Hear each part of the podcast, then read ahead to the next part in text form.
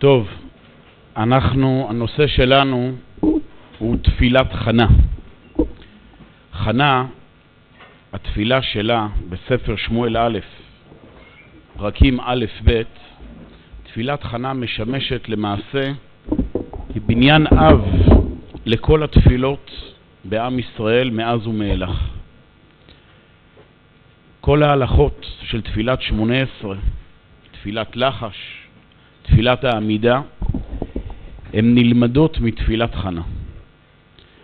ומכיוון שחנה נפקדה בראש השנה, אנחנו גם קוראים את הפרשייה הזו בראש השנה, ותפילת חנה היא בניין אב לכל התפילות, אבל בעיקר לתפילת ראש השנה. על מה אנחנו מתפללים בראש השנה? על מה אנחנו מתפללים בכלל? בשביל להבין את תפילת חנה, אנחנו צריכים להקדים כמה מילים על הרקע, שעל גביו מגיעה תפילת חנה לעולם ופותחת עידן חדש בעבודת השם. עידן חדש בראש השנה.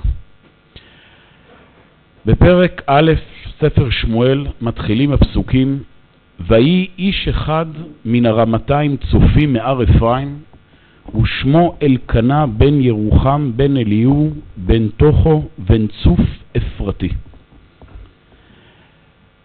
תפילת חנה צומחת בתוך מצב מאוד לא פשוט בתולדות עם ישראל. ויהי איש אחד מן הרמתיים. אומרים חז"ל, ויהי, אין לשון ויהי, אלא לשון צער. שנאמר, ויהי בימי שפוט השופטים. עם ישראל מגיע לארץ ישראל, בשלב ראשון יש את שנות הכיבוש והירושה, בהנהגתו של ישוע בן נון והזקנים שממשיכים לאחר ישוע בן נון. בשנים הללו עם ישראל נמצא בהתלהבות, בבנייה, ביצירה, אבל אחרי כמה שנים שהקומה החומרית מתבססת, עם ישראל מתיישב כל שבט איש בנחלתו, אנחנו נכנסים לתקופה ארוכה של כמה מאות שנים שאין מלך בישראל. איש הישר בעיניו יעשה. עוד לא הגענו לתקופת המלכים, עוד לא הגענו אל המנוחה והנחלה, אנחנו נמצאים בתקופת ביניים. תקופת דמדומים. ובתקופה הזו אומרים חז"ל, בימי שפוט השופטים, עשן המערכה בשילה ועשן פסל מיכה היו מתערבבים זה בזה. בלבולים אדירים בתוך עם ישראל. חוסר הנהגה. איש הישר בעיניו יעשה. ובתוך כל המציאות של המבוכה הזו, בתוך קריסת המערכות של עם ישראל, מופיעה משפחה. משפחה אחת של אלקנה, יחד עם חנה ויחד עם שמואל, והם מצידים את עם ישראל לעידן חדש. מה עושה אלקנה?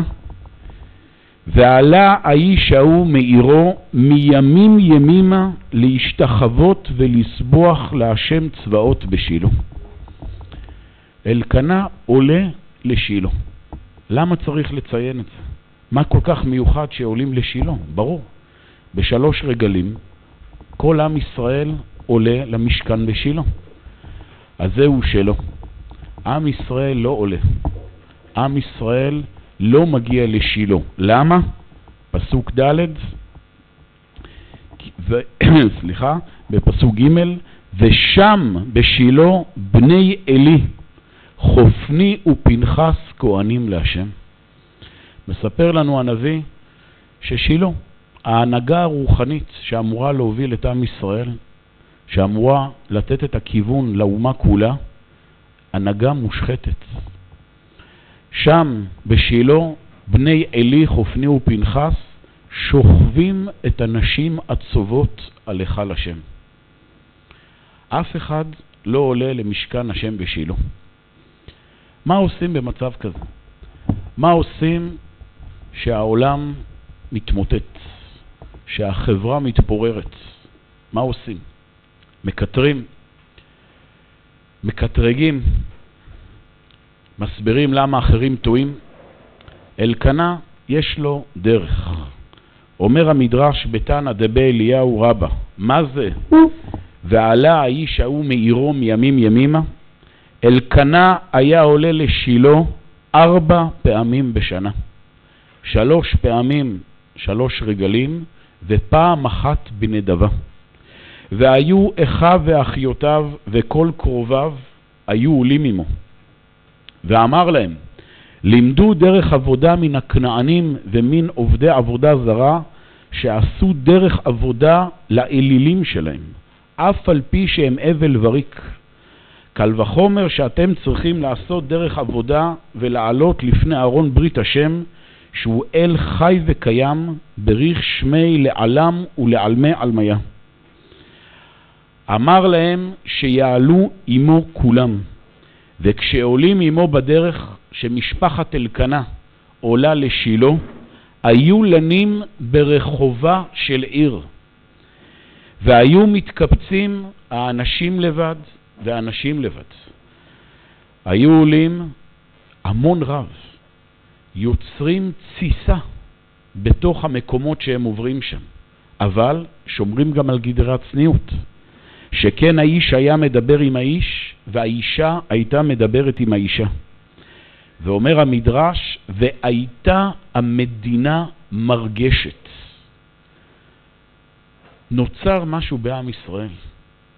ישנה שמועה שמתרוצצת בין השבטים, שישנה משפחה אחת שלא מתייאשת ממשכן השם בשילה, שלא מרימה ידיים, שהיא ממשיכה להאמין, שהיא מובילה כיוון אחר.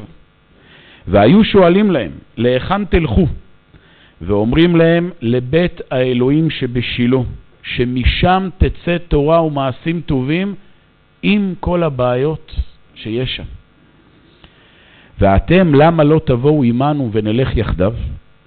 מיד אומר המדרש, עיניהם של אנשי העיר ששאלו את אלקנה ומשפחתו את השאלות, מיד עיניהם משגרות דמעות, ואומרים להם, נעלה עמכם. וכן אמר להם עוד הפעם, עד שעלו עמו לשנה הבאה חמישה בתים, ולשנה אחרת עלו עמו עשרה בתים, ולשנה אחרת הרגישו כולם לעלות, ובדרך שהיה עולה שנה זו אינו עולה לשנה אחרת, עד שהיו כל ישראל עולים, והיה מכריע אלקנה את כל ישראל לכף זכות. זה הבית שמשם מגיעה חנה. בית שמדבר על עולם אחר. וחנה היא גם מחדשת תפילה מיוחדת לבית הזה. המציאות של חנה היא לא פשוטה, כי לאיש הזה, אלקנה, לא שתי נשים, שם האחת חנה ושם השנית פנינה, והיא לפנינה ילדים ולחנה אין ילדים. ויהי היום ויזבח אלקנה ונתן לפנינה אשתו ולכל בניה ובנותיה מנות, ולחנה ייתן מנה אחת אפיים. כי את חנה אהב, ואדוני סגר רחמה.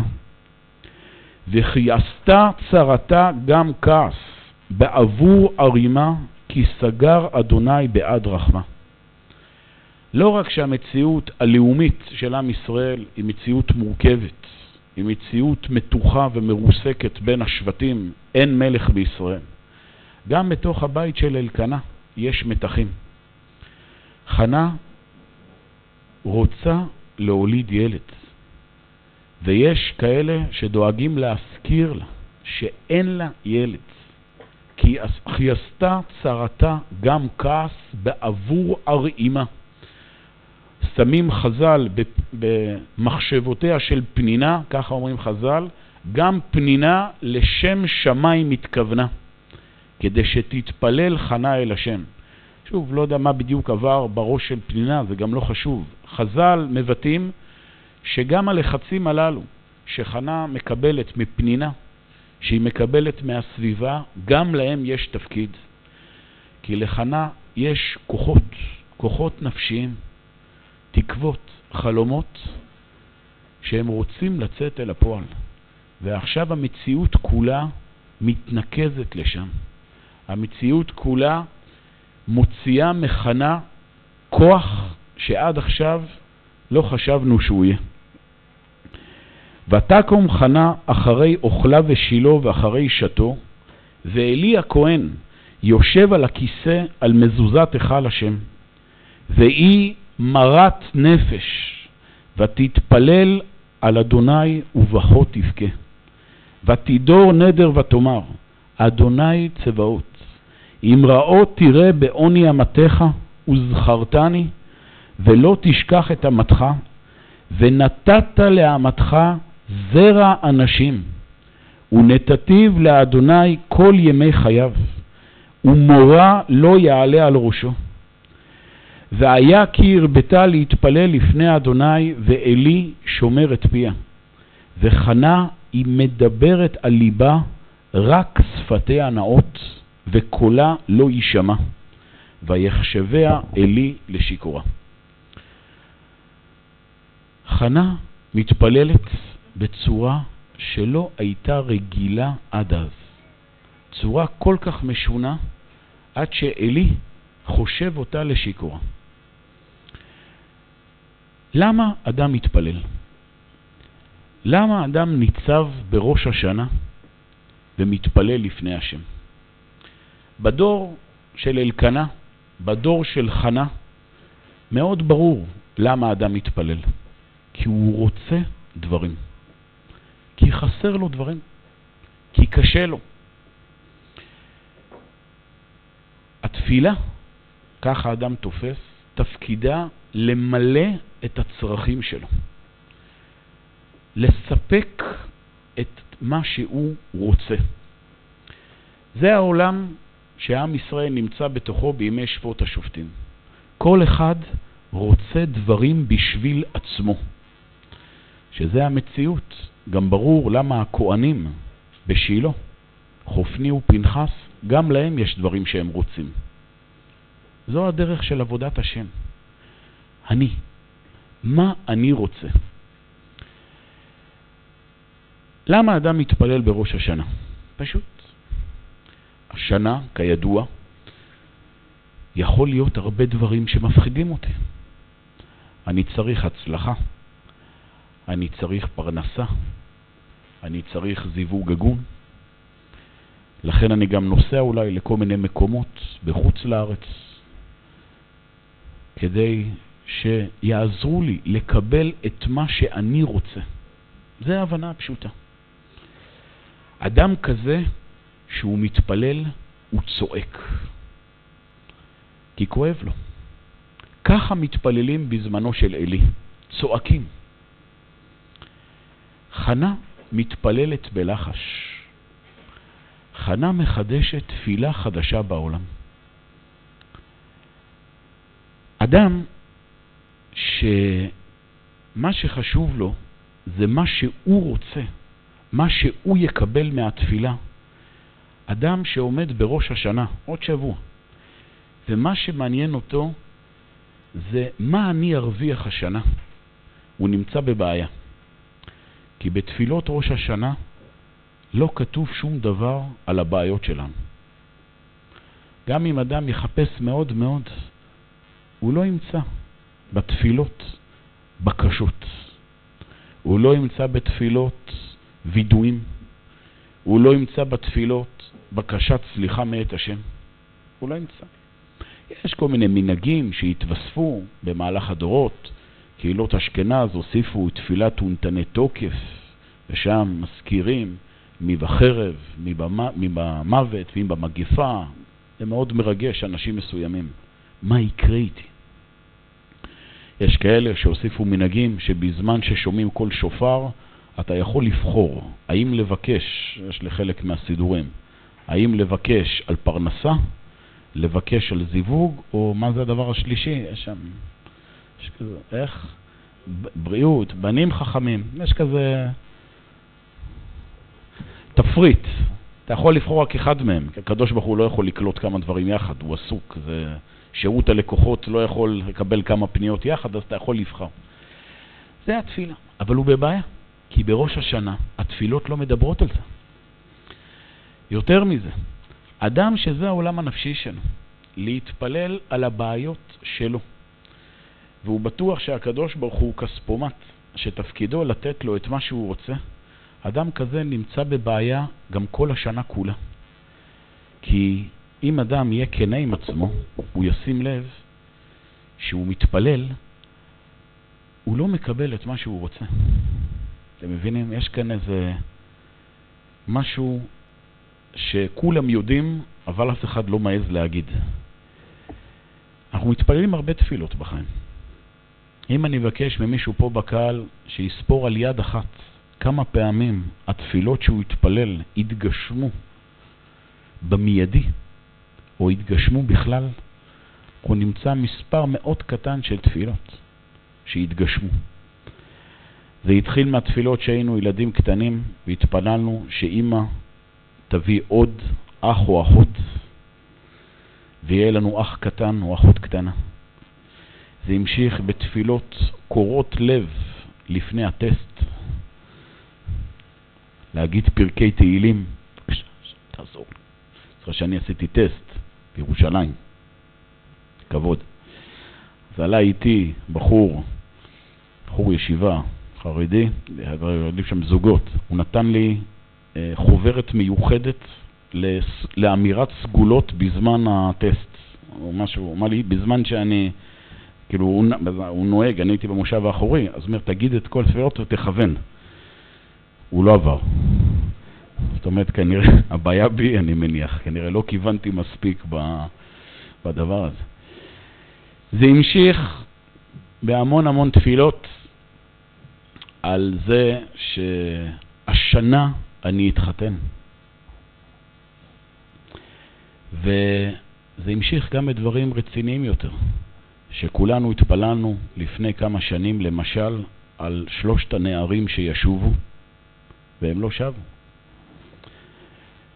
והתפללנו לפני 12 שנה שגוש קטיף יישאר בידיים שלנו, והוא לא נשאר. אדם שכל עולם התפילה שלו וכל הימים הנוראים שלו הם סביב עצמו, הוא לא יקבל את מה שהוא רוצה. הקדוש ברוך הוא מנהיג אחרת את העולם. חנה מחדשת משהו בתפילה. התפילה של חנה היא בלחש. מה מתפללת חנה? ותידור נדר ותאמר, אדוני צבאות, אם רעות תראה בעוני אמתך וזכרתני, ולא תשכח את אמתך, ונתת לאמתך זרע אנשים, ונתתיו לאדוני כל ימי חייו, ומורא לא יעלה על ראשו. אומרים חז"ל על הפסוק, ותתפלל חנה על השם. לא כתוב ותתפלל חנה אל השם, ותתפלל חנה על השם. חנה לא מתפללת אל השם, כלומר, אנא השם תעזור לי בבעיות שלי. חנה כביכול מתפללת בשביל הקדוש ברוך הוא, כדי ששם שמיים יופיע בעולם. חנה רוצה ילד. אם היא רוצה ילד, היא צריכה להתפלל, אנא השם, תן לי ילד, שיהיה לי עם מישהו לשחק. שאני אוכל ללכת ברחוב עם העגלה, ושפנינה לא תצחק עליי יותר. חנה צריכה להתפלל שהילד הזה, אני אצליח לגדל אותו, והוא יישאר אחרי זה לסעוד אותי ולעזור לי ולתמוך בי. מה מתפללת חנה? ונתתיו להשם כל ימי חייו. אני לא מתפללת בשבילי. אני מתפללת על השם. אני רוצה לגדל ילד שיוביל את עם ישראל לעידן חדש. ו... ונתת לאמתך זרע אנשים. דורשים חז"ל, מה זה זרע אנשים? זרע ששקול כשני אנשים, משה ואהרון, שנאמר, משה ואהרון בכהניו, ושמואל בקוראי שמו. אני מצמיחה ילד שייקח את התורה של משה ואהרון ויוביל אותה לעידן המלוכה. שמואל שקול כנגד משה ואהרון. בהערת סוגריים, זה גם הסיבה, אומרים חז"ל, שקורח, שהוא מצאצאיו, יצא שמואל, קורח זיהה בנשמתו שיש בו כוח ששקול כנגד משה ואהרון. ולכן הוא קורא תיגר על משה, הוא רק לא הבין שזה לא בחייו, זה משהו שיצא מחלציו. יש פה כוח חדש שמופיע בעם ישראל. על מה אדם מתפלל? זו השאלה. אם אדם מבין שהתפילה תפקידה לספק את הצרכים שלו, הוא לא מבין נכון. תפילה לא נועדה לספק את הצרכים של האדם. תפילה מגיעה מתוך כאב ומתוך חוסר שקיים בחיי האדם. אבל תפקידו של הכאב והחוסר הזה זה לאותת לאדם שחסר משהו בעולמו של הקדוש ברוך הוא. זו התפילה. וברגע שהאדם מתפלל, כלומר, אומר את המילים, להתפלל מהשורש פלל, פה ממלל, אדם מוציא בשפתיו את הבקשות, את התפילות, את התקוות, את החנונים, הוא הולך ומשתנה. האדם הולך ומשתנה. וברגע שהאדם הולך ומשתנה, המציאות הולכת ומשתנה. והתפילה השיגה את מטרתה. כאשר אלפי יהודים מתפללים שיחזרו שלושה נערים הביתה, אלפי יהודים עכשיו מחוברים יותר בזכות התפילות שלהם לאהבת ישראל. הם מחוברים יותר לרצון שהטוב האלוהי יופיע בעולם. התפילה השיגה את מטרתה. התפילה התקבלה בזה שבני האדם השתנו. האם שלושת הנערים ישובו הביתה בחיינו, או שהנשמות שלהם ישובו לעם ישראל בחשבון הנצח? זה כבר לא החשבון שלנו. המדד האם תפילה מתקבלת או לא מתקבלת זה לא היענות מיידית. המדד האם תפילה מתקבלת או לא מתקבלת זה איזה שינוי אדם עבר בתפילה. וזה החינוך הגדול של חנה, שהיא מתפללת בלחש ולמדת אותנו איך מתפללים כל השנה ובעיקר איך מתפללים בראש השנה. בראש השנה אדם לא מתפלל על הבעיות הפרטיות שלו. זה לא הנושא. יש מילה אחת שהיא הנושא של תפילות, של כל תפילות ראש השנה. קוראים למילה הזו המלך. שמלכות השם תופיע בעולם. וידע כל פעול כי אתה פעלתו, ויבין כל יצור כי אתה יצרתו, ויאמר כל אשר נשמה ואפו, השם אלוהי ישראל מלך ומלכותו בכל משל. תפילת ראש השנה, ימי ראש השנה, זה 48 שעות, שבהם אדם אמור להתעלות מעבר לבעיות הפרטיות שלו. הבעיות הפרטיות שלך, אתה תטפל בהן ביום הכיפורים. זה התפקיד של יום הכיפורים. לרדת אל הכיפורים הפרטיים, לרדת אל כל המבוכות והכישלונות שהיו לנו כל השנה כולה, כל הנדרים, החרמות, הקונמות, ולהתיר אותם. זה לא התפקיד של ראש השנה. תפקיד של ראש השנה זה 48 שעות ששערי השמיים נפתחים והאדם במילים שלו, בתפילות שלו, הוא מתעלה לעולם שהוא מעל הרצונות הפרטיים. הוא מתחבר לרצון שהשלמות האלוהית תופיע בעולם. מה יקרה אחרי זה איתו? זה פחות חשוב עכשיו. לכן ראש השנה זה יום מלא אושר. אנשים שמאוד לחוצים על עצמם, שמאוד רוצים שיקרו להם דברים טובים השנה, קשה להם מאוד לשמוח בראש השנה, כי זה יום הדין. אז איך אפשר לשמוח? מה יקרה איתי? אבל זה לא מה שאומרת לנו התורה. תיקו בחודש שופר בכסה ליום חגנו. זה יום חג, ראש השנה. זה יום שבו אדם מתעלה למשהו שמעבר לחשבונות הקטנוניים, על ידי זה שהוא לומד לפני ראש השנה את הדברים האלה, על ידי זה שהוא שם לב למילים שהוא אומר בראש השנה. יומיים אל תחשוב על עצמך. יומיים תבין איך העולם אמור להיראות, לא איך העולם נראה עכשיו. כמו שאדם הולך בחדר חשוך והוא רוצה להגיע למקום מסוים, ויש שנייה שמדליקים את האור, שנייה שמבריק ברק, ובשנייה הזו הוא יכול לראות באיזה כיוון הוא נמצא. הוא חשב שהוא בכיוון הנכון, מסתבר שהוא בכלל בכיוון אחר. איפה אתה נמצא ביחס לאמת האלוהית? זה הרעיון של יום הדין. היום שבו אדם משקף, משתקפים לו בתפילותיו איפה הוא נמצא. האם הוא אדם קטן שעסוק כל הזמן בבקשות ובכאבים ובחסרונות שלו, או שהוא אדם שמסוגל קצת להתעלות. ולכן שומעים בראש השנה קול שופר. שופר זה קול בלי מילים. מילים זה כמו שאלי ציפה, זה תפילה עם צעקות. תפילה של תתה, מה יהיה איתי? מה יקרה? שופר זה קול בלי מילים. חז"ל מכנים את תקיעת השופר במילה פשוטה.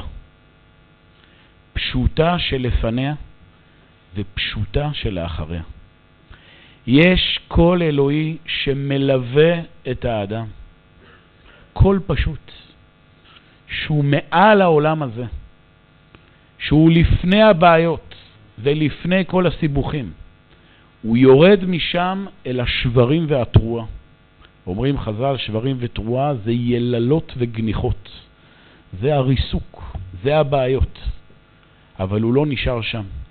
הוא ממשיך אל הפשוטה שלאחריה. והיה ביום ההוא ייתקע בשופר גדול.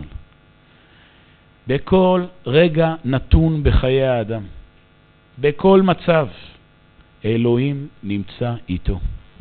לא בזה שהוא מקבל בדיוק את מה שהוא ציפה, אלא בזה שהוא שומע כל שופר, לא תוקע בשופר, שומע, ממושמע לכל אלוהי שהוא עושה את מה שהוא צריך לעשות. כמו שקראנו בשבת האחרונה, פרשת כי תבוא, שאדם מביא וידוי מעשרות לבית המקדש ואומר וידוי, אומר ביערתי הקודש מן הבית, וגם נתתיו ללוי, לגר, ליתום ולאלמנה, שמעתי בקול השם אלוהי, עשיתי ככל אשר ציוויתני. אני עשיתי את מה שאני הייתי צריך לעשות. נקודה. השקיפה ממעון קודשך מן השמיים וברך את עמך את ישראל. מה עכשיו יקרה איתי זה לא הנקודה. יקרה טוב, בוודאי. הקדוש ברוך הוא מטיב. הוא יוביל לטוב. האם אנחנו נראה את הטוב פה בחיים שלנו? לא בטוח בכלל. אלפיים שנה יהודים התפללו ותחזינה עינינו בשובך לציון ברחמים. הם לא שבו לציון ברחמים. אנחנו שבנו. האם אלפיים שנה הללו כל התפילות של אותם יהודים היו תפילות שווא? תפילות שלא נענו? לא. אלפיים שנה יהודים התפללו לשנה הבאה בירושלים הבנויה.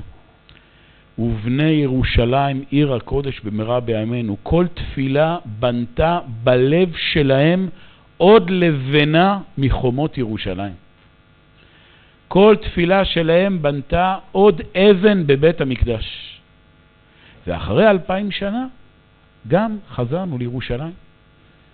ועוד, בעזרת השם, זמן שאנחנו לא יודעים כמה, גם ייבנה בית המקדש. התפילות פועלות בעצם זה שהאדם משתנה ומתפלל. זה מה שמלמד אותנו חנה. זה מה שלומדים בראש השנה. אנחנו שייכים אל הקדוש ברוך הוא, גם אם אנחנו לא מקבלים את מה שאנחנו רוצים כאן ועכשיו. לכן ישנם כאלה שלאחר שמיעת כל שופר שומעים מזמור. למנצח לבני קורח מזמור. בני קורח, אומרים חז"ל, הם לא מתו. בזמן שקורח ועדתו נבלעו באדמה, בני קורח ערערו בתשובה ויצאו מבטן האדמה. בני קורח הם הביטוי איך התשובה מנצחת את הכל. קורח נמחה מעל פני האדמה, אבל הכוח שלו, הכוח החיובי שלו, ילך ויופיע במהלך הדורות על ידי שמואל. ממשיך המזמור, למנצח לבני כוח מזור, כל העמים תיקו כף, הריעו לאלוהים בכל רינה. כל העמים סיפקו כף, תעמדו בהלם מול הגודל האלוהי שמתגלה בראש השנה. תבינו איזה גודל מתגלה בעולם. על איפה אדם אמור להיות. איפה אדם אמור לשאוף? אדם אמור להיפתח אל האור בראש השנה. איך הוא יעשה את זה? ידבר עמים תחתינו ולאומים תחת רגלינו. לא במשמעות הזולה של דיכוי של אחרים. העולם הישראלי, העולם האמוני של עם ישראל, ילך ויעצב את העולם מחדש. ואז לאלוהים מגיני ארץ, מאוד נעלה. יקומו אנשים ששייכים לתפילת ראש השנה, יקומו אנשים שייכים לחנה, והם יהיו מגיני הארץ. הם יגנו על האדמה. הם אנשים שיעמדו בכל משימה, ולכן אומרת חנה בתפילתה, ונתת לאמתך זרע אנשים. ומורא לא יעלה על ראשו. הבן שלי לא יפחד מכלום. פחדים שייכים לאנשים שדואגים לעצמם. זה לא מה שאני הולכת לגדל פה.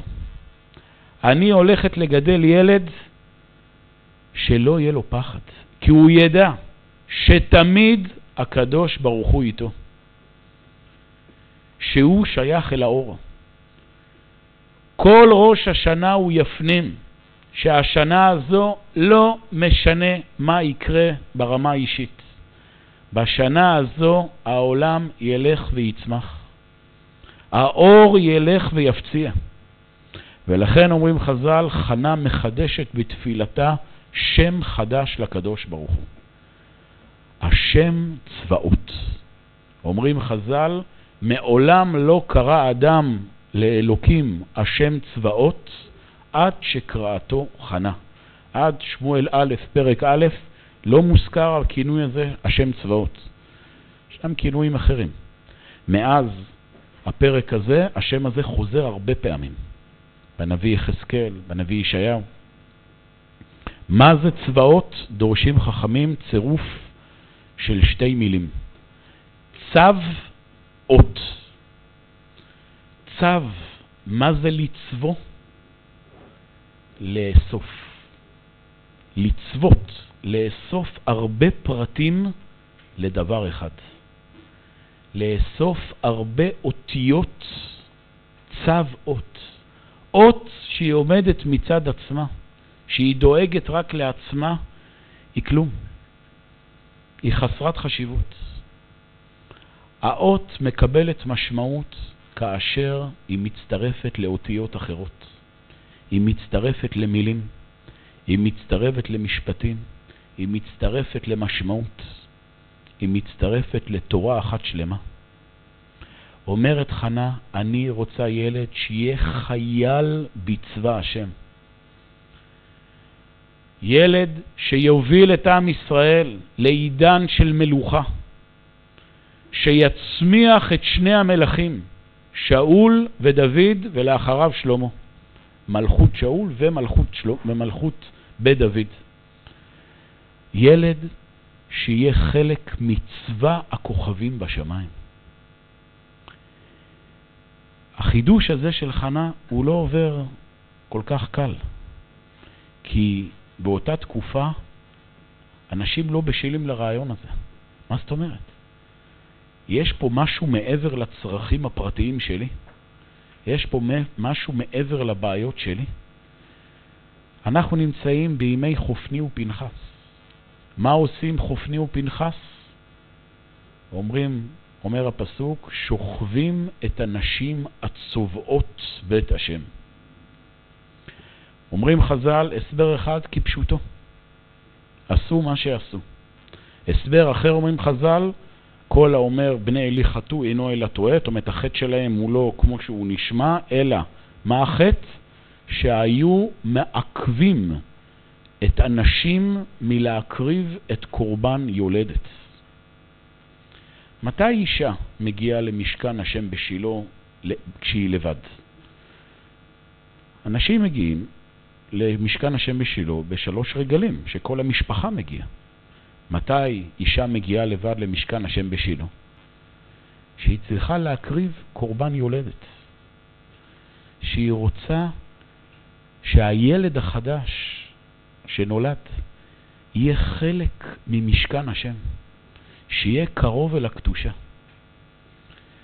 הן צובעות על בית השם, הן מתאספות לבית השם. הפרטים בעם ישראל רוצים להתחבר למשהו גדול. ושם עומדים שני בני אלי, שמעכבים אותם מלהקריב קורבן. אי אפשר עכשיו.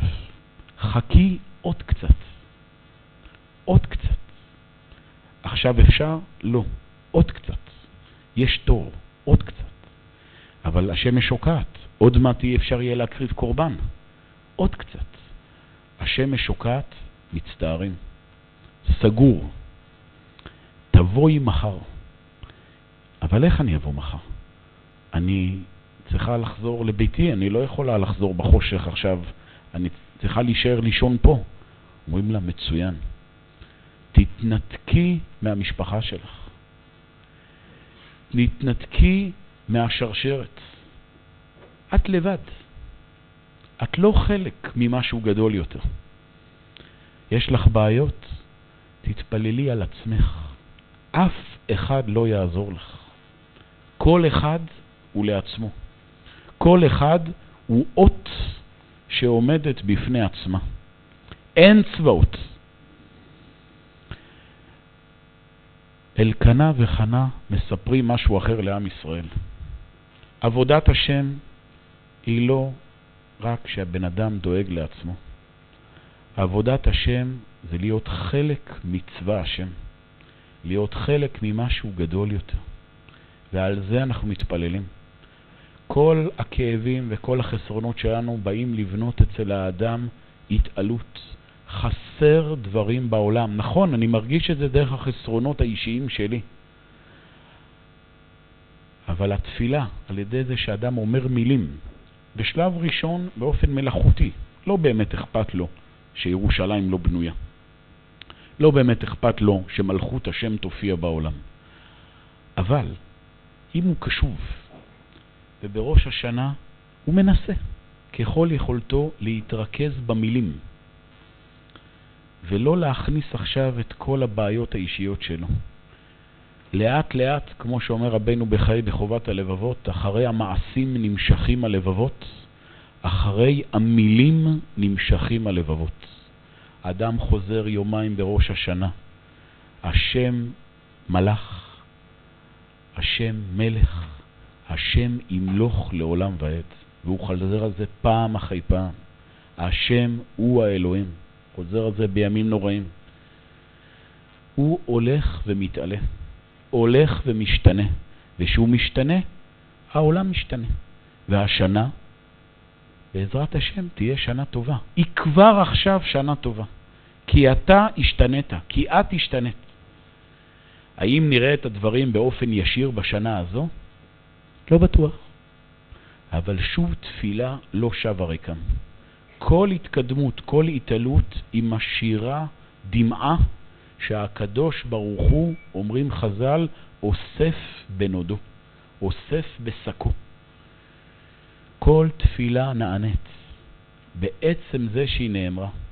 כל התעלות של אדם, כל מחשבה טובה, כל מעשה טוב, כל כוונה טובה, גם אם לא רואים את זה כאן ועכשיו. זה הולך ובונה דברים בחשבון הנצח של עם ישראל. וזה לא נגמר. חנה ואלקנה חוזרים לביתם. ואז נולד שמואל בראש השנה. ואחרי שנולד שמואל, חנה מחכה עד גיל שלוש, שהילד ייגמל, ואז היא מביאה אותו למשכן השם בשילה, לקיים את נדרה.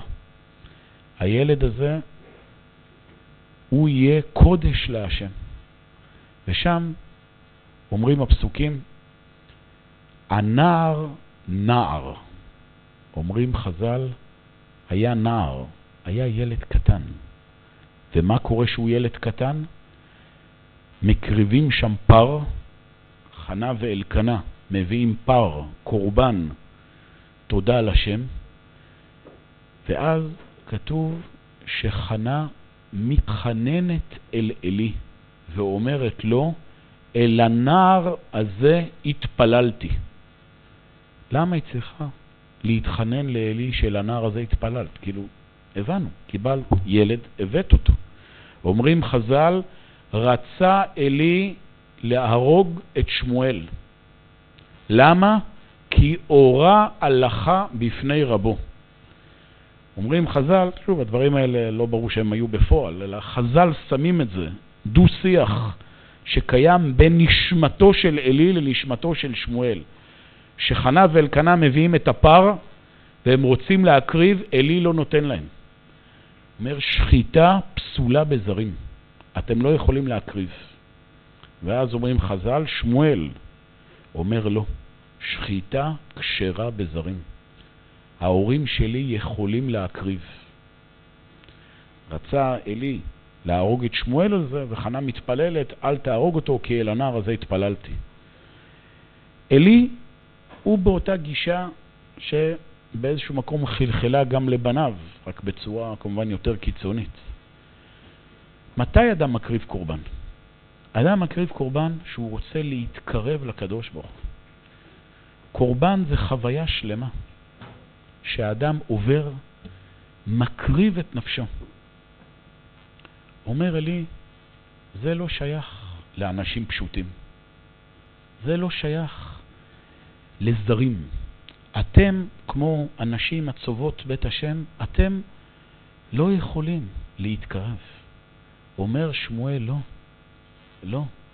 אני הולך לחדש תורה חדשה בעם ישראל, שהתורה שייכת לכולם, שהקדושה שייכת לכולם, שכולם הם חלק מצווה השם.